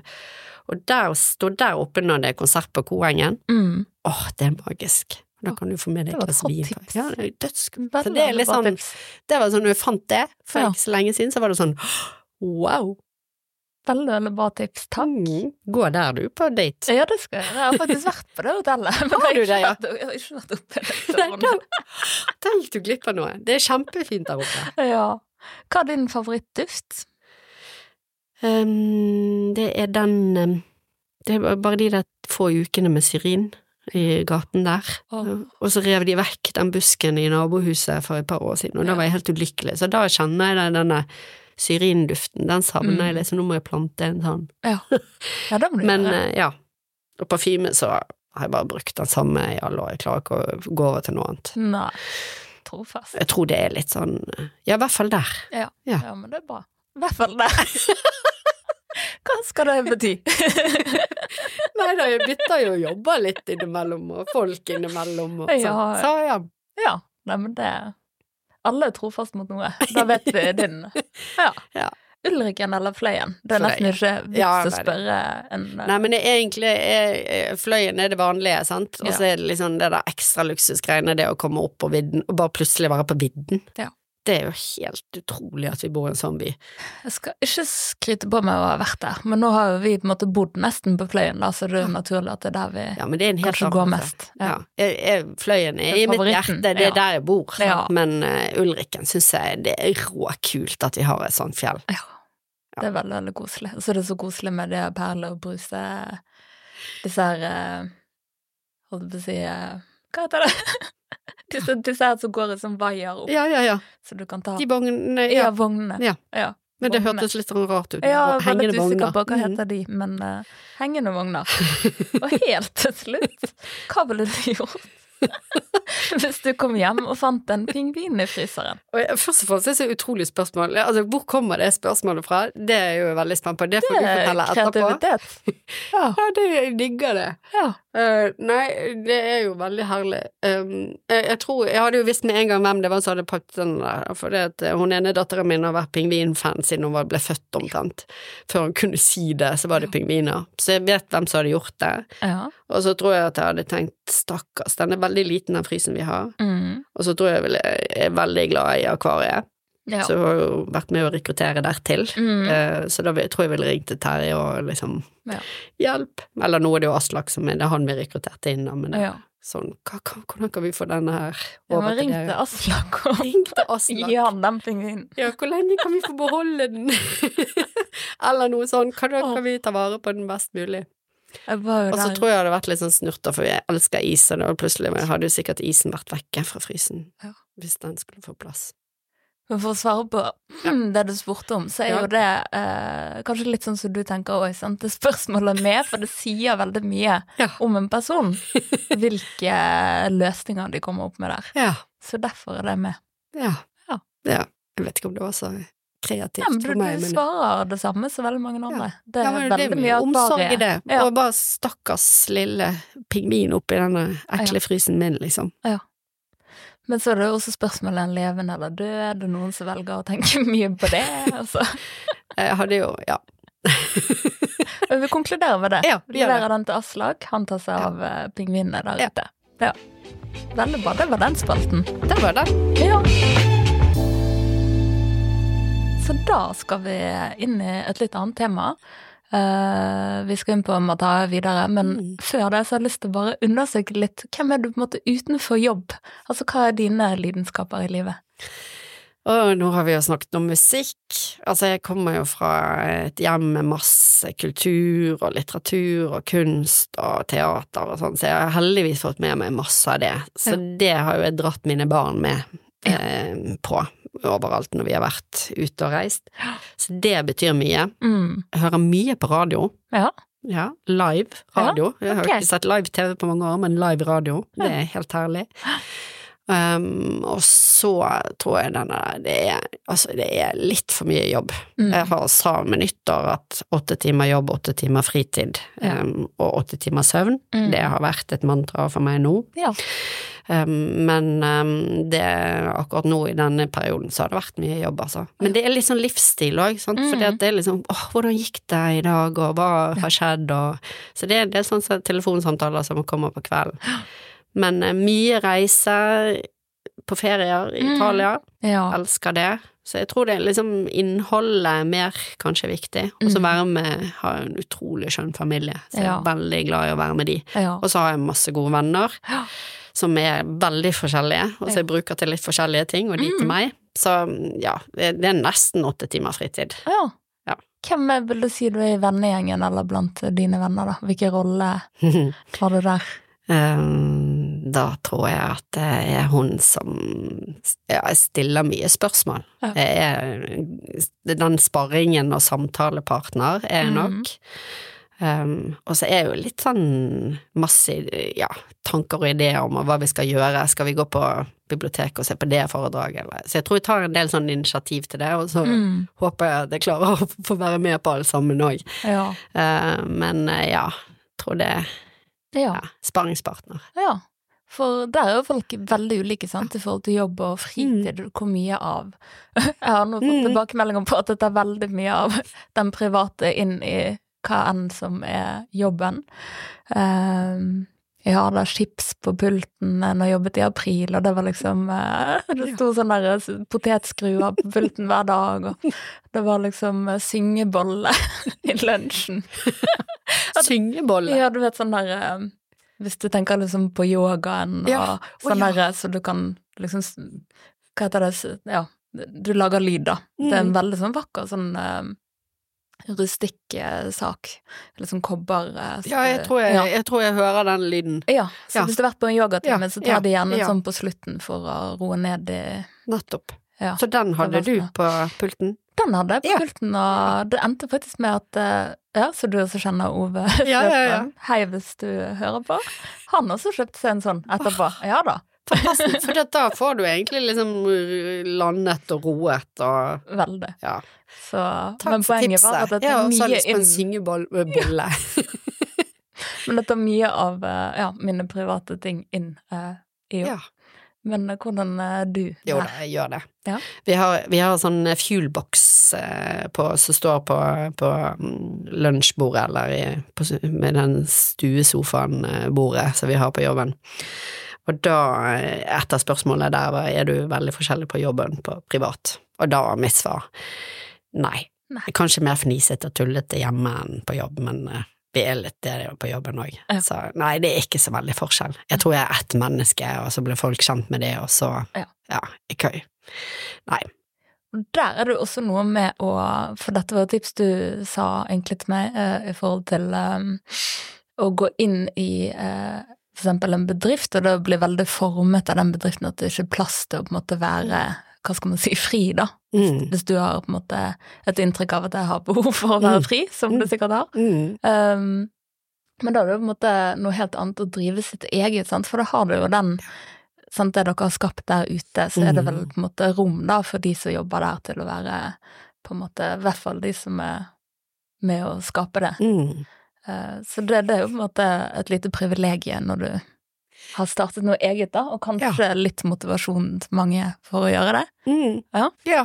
jeg tror du har helt rett i det. Også at vi skaper det sammen, sant. Og det er jo Ja, min tanke var liksom ut liksom Det var der vi begynte, men så er det jo blitt noe annet. Ja. Men bare mye bedre og større. Ja. Og det syns jeg er veldig herlig. Ja. For da er det Det er liksom en liten smaksprøve av alle inni dette. Mm. Vi hadde en sånn strategisamling på Geilo nå for ikke så lenge siden, og det var utrolig deilig å bare kunne lytte til alle de drømmene og alle de tankene hva folk har lyst til å gjøre med dette. Ja. Og da kjenner jeg allerede, da har jeg liksom kommet der at vi har skapt noe som er større. Ja. Og det, da, det føles Det godt. Og da kan jeg begynne å lande meg litt tilbake igjen og Ja. kjenne på at åh, nå er vi flere som eier. Og nå er vi flere Mm. som eh, er like måte dedikerte som en grunnlegger vil være. Ja. Men uh, i forhold til det du jobber med, så har du sikkert tatt også selv en del personlighetstester, vil jeg tro. Mhm. Og da jeg er litt sånn interessert i, for det, sånn som jeg ser det, så, så kan det sikkert gå litt sånn begge veier på en del ting, sant? Er du Mhm. rasjonell, er du emosjonell, er du Ja. Hvordan, hvordan, hvis du vil ta frem noen sånne hovedtrekk? På meg selv? ja. Jo, for det Der er jeg veldig lik- jeg er ekstrovert, Mm. sånn at jeg får masse energi av mm. Bare sånn som denne samtalen her. Mm. Du stråler energi, det er så godt å være i samtalen med deg. Eh, så det får jeg masse, og den sparringen, så det er Mm. viktig for meg. Og så er jeg jo veldig Altså, jeg tenker langt frem, Mm. og høyt opp i helikopter, og alle mulighetene som er der. Så det kan jo være til frustrasjon for de som er veldig opptatt av her og nå. Mm. Vi må jo, ha, vi må jo lage ABC-plan, mens jeg er på år, sant. Um, og så er jeg veldig rasjonell, men jeg, eh, i, tanken på fakta og hva er det egentlig som det handler om. Men eh, alle er jo begge deler uansett. Mm. Eh, men det der å på en måte hva, hva handler dette egentlig om nå? Ja. Og verdibasert eh, i forhold til det hva som er viktig, og det å bry seg og ta vare på, det vil alltid være viktig. Ja. Og så kaster jeg opp baller. Ja. Sånn, så, som leder så er jeg jo langt fremme og Mm. masse baller i luften, så da er jeg jo helt avhengig av at det er folk rundt meg som elsker å ta det, de ballene. Sant? Ja. Så jeg har jo sett masse dårlig lederskap, og jeg vet jo hvor jeg er dårlig. Ja. Sant? Og der har du rett og slett fylt inn med noen som har styrkene Yes. sine der. Ja. Der har du vært Heldigvis. heldig, da. Ja, heldig også, Ja. vet jeg jo Ja, hva jeg vet. skal se etter. Ja. Ja, heldig var dårlig formulering. Ja, nei, men, men det er jo litt der, men man kan jo ta feil òg, sant, på at Mm. det er ikke sikkert at de har lyst til å ta ned de ballene eller løpe av gårde med de, sant. Og da er det jo viktig å være oppmerksom på det, sant. Mm. Psykologisk trygghet på arbeidsplassen, da, hvor viktig har det vært? Det eh, Jeg tror altså psykologisk trygghet er jo den der at når du vet at du kan altså For meg så handler det om at alle vet hvor vi skal, og at vi vet at vi når Hvordan vi er sammen med hverandre. Um, og det er litt sånn Det er litt vanskelig når man er gründer, Mm. for da, da må du ha folk som brenner for det samme, og som ikke nødvendigvis alltid trenger å trygges på alle beslutninger som skal tas og alt som er, for det er litt kaos, det er Mm. mye armer og bein.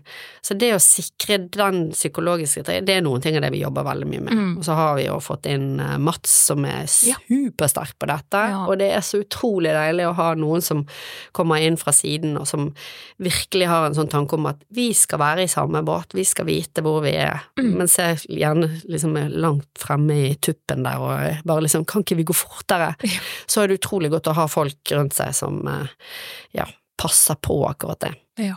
For da kan vi på en måte spille ut alle våre styrker i det. Men det er kjempeviktig. Og jeg Mhm. tror nok at det der å være ærlig, og det der å tørre å ta noen sånne lage det rommet hvor folk kan tørre å si at det var ikke noe gøy når du sa det. Mm. det da får det meg til å føle det, Ja. eller sant, uten at vi skal være noen sånn å skylde Mm. på hverandre. Ja, da tror jeg man er jo litt avhengig av, Ja. av det. Og vi må forstå hverandre. Mm. Så ja. Det, Der, eh, for var faktisk eh, min beste venninne jobber jo med disse tingene, så jeg var med, hun skulle holde et foredrag da. Eh, og da var det liksom snakk om medarbeiderundersøkelse og sånn. Og da dro hun opp et eksempel der i første, den første på måte, undersøkelsen de hadde, så kom det frem at ingen hadde noe å utsette på noen ting, men de kunne gjerne tenke seg en radio på toalettet.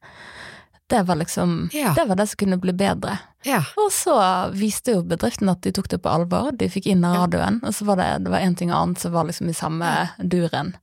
Uh, neste gang, da var det masse, for da var det bygget psykologisk trygghet i Mm. form av at vi tar på alvor det de ansatte melder om.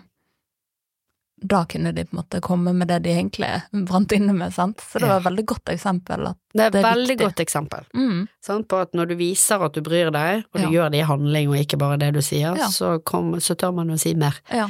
Så det, nei, og det der. Ikke bare måle for å måle, men at man faktisk, eh, som du sa, undersøker og er interessert i å faktisk finne ut. Ja.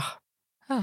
ja, nei, så det er jo Jeg ser jo det. Vi jobber jo mye med å finne ut om det er psykologisk trygghet i dette styret eller i Ja. denne ledergruppen, og så er det jo det, da. Så må vi ikke glemme hvordan vi holder det på selv. Mm. Så det der med radio på do, det var- syns jeg var kjempebra. Ja. Det, det tror jeg vi må ha òg. Ja. Ikke fordi at noen har bedt om det, men Ja. for det da å være i forkant òg. Mm. for her er det jo gjester òg som skal Mm. mm. Takk for tipset. Takk Nå ble jeg veldig praktisk rettet og Ja. løsningsorientert, men ja, veldig. Herlighet. Men hvis vi skal med på en uke i Madar, da, hvordan vil du si, hvordan foregår eh, day to day eh, i den bedriften? Og det er jo, vi har jo mange parallellprosjekter, sant, og de er veldig forskjellige. Nå skal vi finne daglig leder til Fargespill, og så skal vi finne styreleder i, jeg kan ikke akkurat si hvor det er ennå, men det er Mm. liksom, det vi jobber parallelt med veldig forskjellige prosjekter, veldig mange forskjellige bransjer, og de er kommet veldig forskjellig, så det er oppstart, Mm. og så kan det være avslutning og referanseinnhenting, og alt, alt dette skjer på samme dag. Mm. Og så jobber vi i team, sant, på tre og tre på hvert prosjekt, kundeprosjekt, så da har vi Mhm. forskjellige roller. Så det er, det er derfor jeg sier litt sånn armarbeid, for det er mange ting som skjer, men som man ikke nødvendigvis ser alle. Ja. Um, så vi har Vi er jo startup, så vi har prioriteringsmøte, Mm. og så har vi forbedringsmøte. De to er, egentlig bør være veldig hellige, Mm. og så passer vi på at det ikke blir for mye styr, men eh, da handler det hele tiden om hvordan kan vi gjøre ting bedre. Ja. Men også hvordan kan vi bli bedre sammen, sånn. og ta vare på hverandre, og vite at vi tør å si fra hvis noe, og det å gjøre feil, Mm. at det er en mer sånn ok, greit, da har vi lært, og så eh, deler vi det, og så går vi videre, og så har vi full fokus på det vi skal få til. Sant. Og det med prioritere og det å forbedre, det er noe, kanskje noe av det som er litt sånn kjernen i oss, da. Mm. Um, så det å eh, Da kommer det kunder og kandidater er ofte de samme, eh, og det er jo styreverv det er snakk om, sant. Så det at det der å drive med å først snakke med de hver for seg, Mm. finne ut hva vil de, og så se, og så koble de, og da Mm. sette de ned i sofaen eller i, rundt eh, styrebordet vårt, Mm. eh, for å få de gode samtaler. Så det er masse gode samtaler. Ja. Og så lager vi masse god kaffe, for det er Ja. nå Mats fikk inn eh, en deilig espressomaskin, og det er litt sånn kulturprosjekt, for det vi er veldig stolt og veldig Ja. lykkelig hver gang vi lager en kaffe. ja, du skjønner godt. Han kommer kom jo med kaffe til meg. Ja, Han er veldig ivrig på det, så Ja. Så nå, det er jo helt, så nå skal jeg gå på kurs og lære kaffe, sånn latterart. Ja. Det irriterer meg at jeg ikke klarer å lage disse fine hjertene og sånn. Ja. Så får vi Litt se. baristakurs hos Ja. naboen. Ja. Burde du gå på det? Ja, Mm. ja, selvfølgelig. Det må vi. Det er jo tre ut av de. Ja, Mm. men apropos eh, liksom, hva du har lært, eh, hva er det viktigste du måtte ta med deg fra prosessen med å starte, starte selskapet? Mm. Hva er viktigste lærdommen? Jeg tror den der eh, igjen at det går så fort, Mm. jeg vil så mye, og det der å passe på hva du hvem du har med deg. Mm. Du, vi skal jo være våre egne viktigste matchmakere der òg, sant. Mhm. Ikke bare liksom ta noen inn fra sidelinjen og si ja, ja, det går sikkert bra, vi vil sikkert det samme, men det der å Mhm. finne ut av det, det har vært en reise. Eh, og så er det noen ting med det der og alt det vi sier. For jeg vil, igjen, jeg vil så mye, og det å lære seg å si hva er det jeg skal si ja til og nei til nå, der har jeg måttet jobbe mye med meg selv. Så jeg hadde det der å gå Jeg hadde snakket med en psykolog og sa Mm. 'hjelp meg', for jeg ble syk av å si ja til så mange ting. Ja. Så han lærte meg å liksom være klar over denne hvite tornadoen Hege som bare fyker rundt og alt kaster opp alle baller. Ja. Men det der å være litt bevisst over hvor mange du, og hva du utsetter andre for Mm. når du skal gjøre det, så det kjenner jeg har hjulpet meg veldig i denne gründerreisen. Mm. eh, Og lært masse av, og det er beinhard jobbing Ja. å holde tilbake vilje, altså. Og så eh, er det egentlig det som også går på ja, hvor mange steder skal jeg involvere meg? Ja. Hvor mange armer er det på denne blekkspruten Hege? Og kutte av de og ikke lage de så lange. Ja. Å, det er kjempevanskelig. Det har jeg jobbet med òg. Åh, det er altså Men det er utrolig nyttig. Så jeg er Mm. nesten sånn så når når jeg satt og drakk kaffe og så utover byen i dag, så var det bare sånn Hvor mange armer har du ute i dag? Ja. Er det noen du kan ta av, eller gi til noen andre, eller Og hvor lange er de? Det var en fin eh, sjekk. Ja, den er veldig Og den er veldig sånn Og så er det sånn For hvem gjør jeg dette nå? Ja. Og det var egentlig et spørsmål om hvorfor jeg er her. Mm. Egentlig dette er fryktelig vanskelig. Jeg liker egentlig ikke og jeg liker å stille spørsmål. Ja.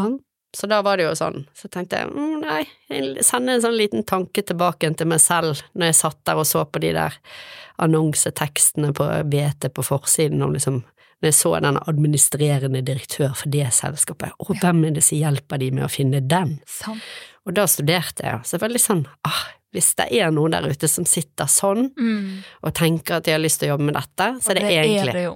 Ja, og da er- sender jeg en tanke tilbake til meg selv, eller til de Ja. som var der da, om at ja, det er utrolig gøy, og eh, vi vil ha flere folk som syns det. ja. Så derfor tenkte jeg, ja, for hvem gjør jeg dette nå? Det er liksom min gamle meg for mange, mange år siden, også for alle de som har lyst til å jobbe med dette. Men det er veldig fint, for det er jo motivasjonen til hele podkasten òg. Jeg sitter jo ikke her eh, for min egen del, egentlig. Sant? Så det er jo litt det Hva hadde man trengt selv, sant, når man var Ja. yngre, å vite hva som måtte røre seg i en by, og hvilke muligheter som fins. Da må jo noen som på en måte har klart å ja, få de mulighetene, kanskje dele hvordan de fikk det til. Ja, nei, det er det. Mm. Så det var min motivasjon for å komme her i dag. Ja, Den satt jeg og kjente på når jeg satt og drakk kaffe på. Hvorfor, hvorfor går du ned der nå? Ja, ja, Ja, men takk i like måte. Så utrolig bra at du turde og ville. Vi er ikke helt ferdig, vi er nesten ferdig, men jeg tenker at vi må ha med litt angående det vi snakker om. Um, så har vi jo nå sett litt på reisen din, sant? Mm. Som har vært veldig innholdsrik. Vi har jo ikke vært innom halvparten engang. Eh, men det har vært mye jobbing, hard jobbing, Mm. eh, mye resultater. Eh, det har vært en sånn Sikkert en kurve som også svinger, men sikkert sett utenfra en veldig stigende kurve òg. Men eh, sant, har det Mm. vært Mm. utfordringer der? Mhm. Det er jo det man alltid lurer på, sant? hva man støtt på på veien som har vært vanskelig. Sant? Er det ting som ikke har vært så lett, eh, når man på en måte skal ut og skape de resultatene, og også være mor, alle disse tingene. Man har jo så mange roller. Det er helt sant. Og jeg tror det er grunnen til at det kanskje ser ut som det er oppover, sant, det er jo fordi at jeg, fø- jeg har kanskje følt at jeg har hatt liten tid, på et vis. Altså, Mm. det er så mange ting jeg vil. Mm. Eh, og så har jeg jo på en måte hatt en sånn eh, arvet fra denne mormoren min, sant? så arvet jeg, jo- jeg har arvet masse fine ting av de, men da arvet jeg jo noen sånne autoimmune sykdommer som kommer inn sånn tikkende fra sidelinjen. Mm. Så jeg har jo hatt noen sånne knekker, sant, som er sånn så slår deg ut i et år, eller et sant, og du vil likevel jobbe ved siden av, og der, Mm. alle de tentaklene tentakler og alt det der. Så, så jeg har hatt ganske mye sånn motgang, egentlig, på eh, på egen evne, Mm. når viljene har vært så stor. Ja. Så det har vært egentlig ganske tøft, da. Men da har jo hatt kloke folk rundt meg som har sagt dette må du bare akseptere, du må ta Mm. den tiden det tar, og du må på en måte belite deg på Ja. at situasjonen er sånn. Ja.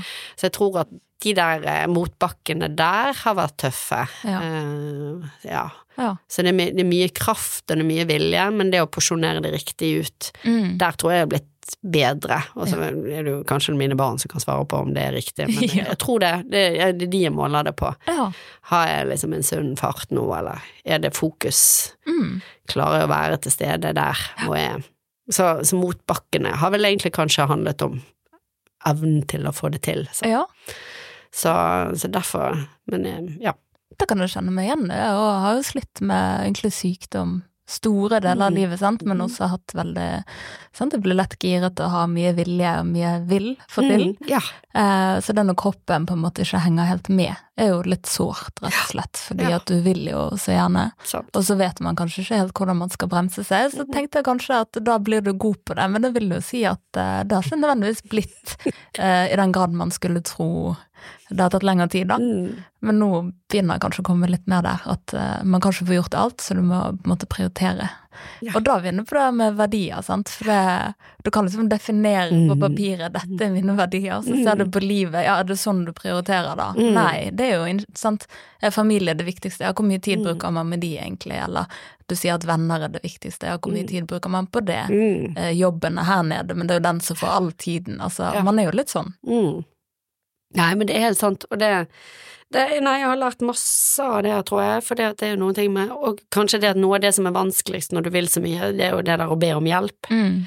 Det er vanskelig, altså, men når det er så mange flinke folk som har lyst til å hjelpe, så er det jo Det gjør det mye lettere, da. Og så Mhm. vet du at de gjør det i beste mening, og at de har De gjør jo det for sin egen del også, at vi skal få til noe sammen. Det syns jeg Det er jeg veldig, veldig glad for å få oppleve. Ja. Og så er er jeg blitt god på å si sånn helsen først. Mm. Nå er sånn mormor sa at det så bare helsen holder, sa hun, og så syntes jeg det hørtes så rart ut. Men jeg skjønner det nå. Ja. Og jeg skulle ønske at jeg skjønte det for ti år siden på en helt annen Ja. måte. Men jeg ja, også Så helsen, Mm. og så mine barn. Ja. Altså minn meg først surstoffmasken selv, og så Mm. kan jeg redde de, og så kommer jobb. Ja. Så det sier jeg også, sier det mange ganger til meg selv, at Mm. det er det som er sannheten. Og da må du på en måte styre etter Ja, det. Ja. Det er helt sant.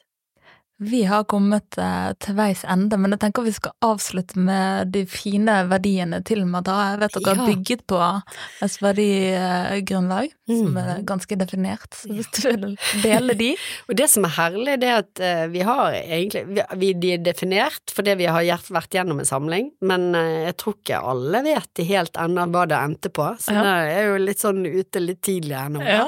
i den endelige, men det var, vi, det var en fin prosess. Ja. Så det der å bry seg, det er noen ting. Det er jo det Mata egentlig står for. En Mm. partner eller mate. Eh, omsorg og noen som, eh, som bryr seg. Så den henger med. At vi, vi gir oss ikke før vi har forstått det, før vi liksom kan hjelpe ordentlig. Um, og så er det dette med å ta ansvar. Vi vet at vi har en rolle i samfunnet, og at vi, de rådene vi gir og de koblingene vi gjør, det får store ringvirkninger. Så det å ta ansvar for at folk føler seg ja, eh, ordentlig behandlet i det, viktig.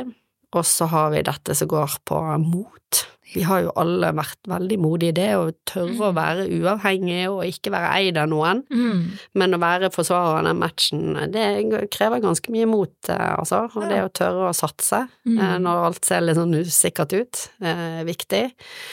Eh, og så har vi den som er veldig Det der med den der fnisingen, det der å ha det gøy. Ja. Det betyr masse, altså. Så det der å ikke bli så veldig alvorlig, at Ja. uh, ikke vi kan være Ja, ikke være så høyt, selvhøytidelig på noen måte, og, Ja. men å ha det gøy. Det er forfriskende, da. Ja, det det trenger veldig. vi, for det er mye, Ja, mye seriøsitet Ja. der ute i Det det. forretningsverden. Ja. Så da tror jeg jeg tok med de viktigste. Vi, vi kokte det ned til fire-fem, og Ja. da var det litt sånn, ok, det blir et sånn kompass nesten, sant, Ja. hvor motet går fremover. dere styrer skuten etter. Ja, det, Ja. si blir veldig maritimt, men eh, det går helt fint. Ja. Det er veldig fine ord å gå ut på. Fine verdier. Tusen, tusen takk for at du ville komme. Takk for meg. Ja. Veldig kjekt. ja. Tusen takk til deg som hørte på. Hvis du vil høre mer Drømmefanger, kan du finne oss på Facebook eller Instagram. Tudelu!